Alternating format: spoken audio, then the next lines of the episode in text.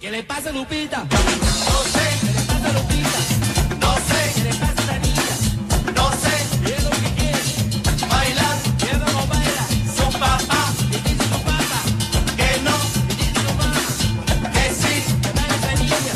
Sí, sí. ¿Qué baila Lupita? Sí, sí. Són dies de confinament, són dies de veure sèries al sofà fins que esgotem les existències de gelat. A l'hora de posar-nos davant la petita pantalla, segurament podrem fer eh, una classificació una mica particular. Els qui segueixen fil per randa les sèries que es posen de moda, els que sempre, per exemple, estan al dia de Joc de Trons, de Homeland, de Breaking Bad, o els que tenen urticària a les sèries precisament que tothom comenta. La Paula Carreras del suplement encarra el primer tipus de persones i la Marta Ferrer segurament el segon. Marta i Paula, bon dia i bona hora. Hola, bon dia. Hola, bon dia. A veure, Marta, tu per què no segueixes les tendències?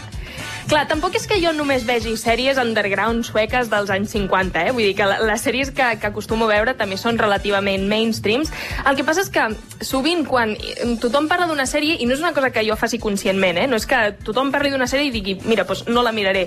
No, sinó que quan tothom parla d'una sèrie i et diuen l'has de veure, l'has de veure, l'has de veure, m'acaba fent molta mandra veure-la. Clar. I tu, Paula, per què ets eh, sempre seguidora del mainstream? Clar, a mi em passa al revés que el que li passa a la Marta. O sigui, a mi em passa que, com que hi ha tanta oferta a Netflix i a HBO i a Amazon i a tot arreu, que no sé per on començar a triar, aleshores, quan tothom està molt enganxat a una sèrie que tothom diu que és molt bona, penso, va, doncs aquesta. I a més a més, sabré segur que tinc gent amb qui comentar-la, per tant, és que és ideal. Molt bé. Doncs eh, aquest és el preàmbul d'un seguit de recomanacions que faran la Paula i la Marta, algunes eh, molt de moda, d'altres no tant. Eh, arrenquem amb Ozark. Money. That which separates the haves from the have-nots. Patience, frugality. A veure, Ozark eh, l'ha vist la Paula, no? Sí, l'he vist jo perquè ara tothom es- n'està parlant perquè ha sortit la tercera temporada, tot i que és una sèrie que es va estrenar el 2017, i t'he de dir, Roger, que no m'ha acabat d'enganxar gaire. A molta gent li està agradant molt i a mi, en canvi, mm, no ho sé, no, no, no m'ha atrapat gaire. Uh, doncs uh, deixa'm dir-te que a mi m'ha salvat el confinament, Ozark. Perquè, Tu l'estàs veient, oi? Sí. No, l'he vist sencera, o sigui, no havia vist uh, cap capítol previ al, al confinament i he vist les tres temporades de cop. Bueno, no, Per què no, no, va- per què no, no t'ha acabat eh? de... Com és que no t'ha acabat de... Clar, Expliquem una mica de què va, explica de què va. sí, explica, sí, explica. perquè la idea és que eh, és una sèrie que gira al voltant d'un comptable de Chicago, el Marty Byrd, que és eh, l'interpreta el Jason Bateman, que eh, blanqueja diners per un càrtel mexicà. No? Llavors, quan el líder dels narcotraficants descobreix que els socis del protagonista s'estan quedant comissions, eh, diguéssim que li perdona la vida al Marty, però amb la condició de que ell i la seva família s'hauran de dedicar en cos i ànima a blanquejar l'import eh, que havien robat no? eh, lluny de Chicago que eh, amb una destinació escollida que en aquest cas són els Ozarks de, de Missouri. Llavors allà, a partir d'allà, la trama es complica no? I, i, i, i a partir de, o sigui, això és el punt de partida i o sigui, a mi em sembla interessant el fet de combinar, diguéssim, les dues trames eh, de la trama familiar del nucli dur amb les, amb les discrepàncies, amb el fet de voler fer veure que són una família que es porten molt bé però que tenen també les seves complicacions internes, no? i després amb tota la trama de corrupció. Eh, Recorda una mica segons com a Breaking Bad, no? de dir, eh, és una família que aparentment és ideal però alhora té una subtrama obscura que, que combinades funcionen. Sí que, és, eh, sí que és veritat que té elements de, que recorden a, a Breaking Bad. L'èxit no és el mateix, però, però a mi m'agrada molt. A- Aquesta tercera temporada m'ha costat potser una mica més, no és tan brillant com les dues anteriors, però jo sí que la recomano moltíssim. Eh, La Paula no. Uh, més sèries. Community. I am in a bit of a jam. The the state bar has suspended my license. Uh, they found out my college degree was less than legitimate, Well, I thought you had a bachelor's from Columbia. and now I have to get one from America. Això què és, uh, Marta? Mira, això és Community, que és una sèrie que segurament ara es comença a sonar una mica més perquè l'acaba d'incorporar Netflix en el seu catàleg, però que fins ara jo diria que aquí no era gaire coneguda. Als Estats Units, de fet, quan, quan es va emetre, que ja fa uns anys, tampoc és que fos un gran èxit d'audiència, de fet la van arribar a cancel·lar, però el que sí que va passar és que es va convertir de seguida en una sèrie com de culte, que, que era molt estimada pels fans, de fet la van salvar de la, de la, can, de la cancel·lació en alguna ocasió, um, i ara veig que molta gent comença a parlar-ne més i més, i a mi em posa contenta, perquè és una d'aquelles comèdies que crec que ara entren molt bé uh, i que està molt infravalorada. Molt bé. Uh, L'has vist sencera ja o no? Sí, la vaig veure fa uns anys. Uh, té sis temporades, de les quals per mi les quatre primeres són molt bones, les altres dues no tant, perquè uh, això que us comentava ara, eh, de la cancel·lació. I a primera vista um, és una sèrie que, que va d'un grup d'estudi d'una universitat estatal dels Estats Units, uh, format per individus que són una mica estereotípics al principi, però que també tenen les seves peculiaritats, no? des del friki dels còmics que se sap tot el trivial de Star Wars, fins a la noia més popular amb qui tothom vol lligar, a l'atleta qui li costa sumar, i fins al protagonista que, ara ho sentíem en el tràiler, és un home que fins ara s'havia fet passar per advocat sense tenir el títol, i ara doncs se l'ha de treure i es troba tornant a la universitat quan en principi no és el que li toca. Clar, què passa? Que després tots aquests estereotips al final són una carta de, pre de presentació que cauen, es transformen, es desmunten, um, i una de les coses més interessants de la sèrie és la relació que es crea en aquest grup d'estudi, però sobretot, uh, que per mi és, és el que més m'interessa de la sèrie, és que en el fons uh, és una sèrie per la gent que s'estima les sèries, que està interessada per als seus intríngulis, en el llenguatge que es fa servir, uh, perquè és una reflexió molt metalingüística de tot allò que envolta una sèrie. Uh, què vull dir amb això? Doncs, per exemple, Fleabag, no? que, que era una sèrie que ho va patar i que tothom lluava perquè la protagonista de cop mirava a càmera i t'interpel·lava i i trencava aquesta quarta paret. Doncs Community, anys abans, ja ho havia fet, ja feia això de, de trencar la quarta paret, d'autoreferenciar-se, de buscar una complicitat de l'espectador amb referències a si mateixa i a altres obres de la cultura pop, i clar, per la gent que normalment eh, no veu sèries o que les veu així eh, de tant en tant, sorprèn molt um, perquè et fa còmplice, et pica l'ullet i et fa que et quedis atrapat dins del seu propi món. Doncs quin retrat eh, tan fantàstic de la Marta. Eh, aquest Community que recomana eh, moltíssim una sèrie que podem veure a Netflix, eh? eh sí, a Netflix. De fet, ara és una de les sèries més destacades de Netflix. I també a Netflix, i d'aquesta en parla tothom ara mateix, i oients que ja se'ns avancen a través de la xarxa, una sèrie que sona així. You escaped, didn't you? You make it sound like I was in prison. Weren't you? No, but I left without telling anyone. De fet, això és una minissèrie de només quatre capítols, oi, Paula? Sí, és Unorthodox, que són quatre capítols que duren 50 minuts, que explica la història de Leslie Shapiro, que interpreta la Shira Haas. Um, és una noia jueva del barri ultraortodox de Williamsburg, a Nova York, que fuig a Berlín escapant precisament d'un matrimoni forçós eh, imposat per aquesta comunitat eh, hasídica. I, I, de fet, el que crida l'atenció és que és una història real, perquè és un, és un relat inspirat en les memòries de, de Deborah Feldman, que és una ex-Hasid ex eh, amb una trajectòria vital bastant similar a la protagonista de la sèrie, i, de fet, per tal que el retrat d'aquesta comunitat fos el més fidel possible, perquè, com sabem, és una comunitat que en general és bastant hermètica, eh, doncs la, la mateixa Deborah Feldman va col·laborar amb les creadores de la sèrie, que són Anna Binger i Alexa Karolinski, i, per tant, eh, jo crec que ens podem fiar bastant del retrat que fan eh, d'aquesta comunitat eh, de jueus heterodoxos, ortodoxos. Perdó. Uh, és una minissèrie fantàstica que des del primer moment um, ja et deixa captivat uh, i entres uh, molt fora a dins del personatge. Uh, Sí. I a més a més, És si que- saps que, que, que, que, que és una història real. Jo l'he d'acabar, eh, perquè aquesta setmana vam veure un parell de capítols i me'n queden dos més uh, i suposo que aquesta tarda, si tenim temps, ens hi posarem.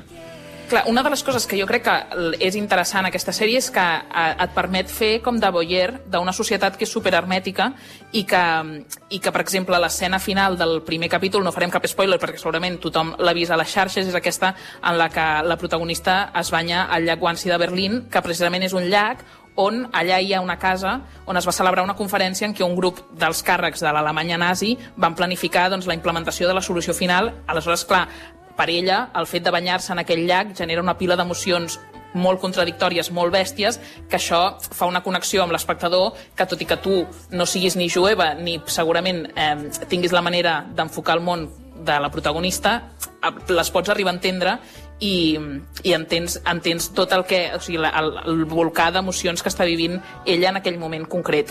Mm -hmm. Anorthodox, també Netflix aquests dies. Uh, molt recomanable. Més propostes. Ran. Are you together? Strangers on a train. But I bet I can tell you why she's traveling. You see this one very strong line here? That is your heart line, and that is deep. There's a break in the middle.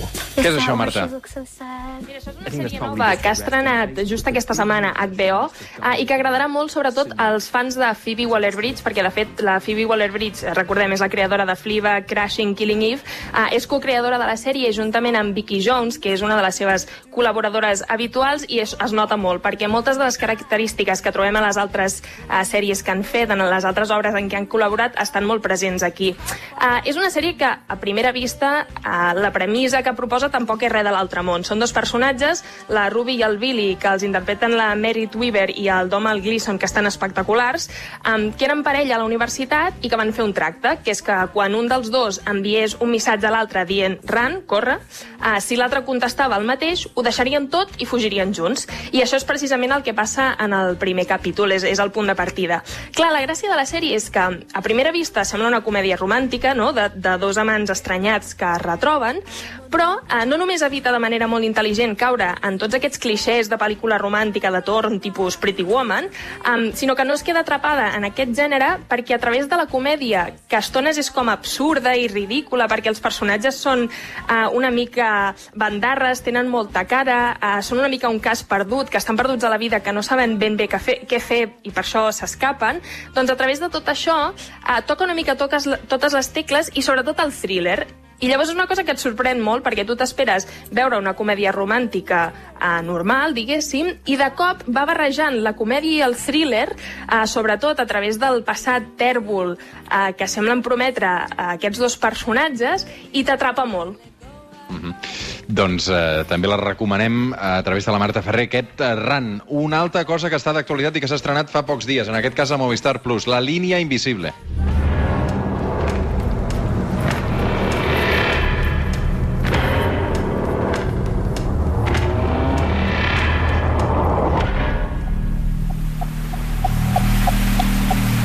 Tenemos que encontrar gente que esté dispuesta a darlo todo, a renunciar a todo.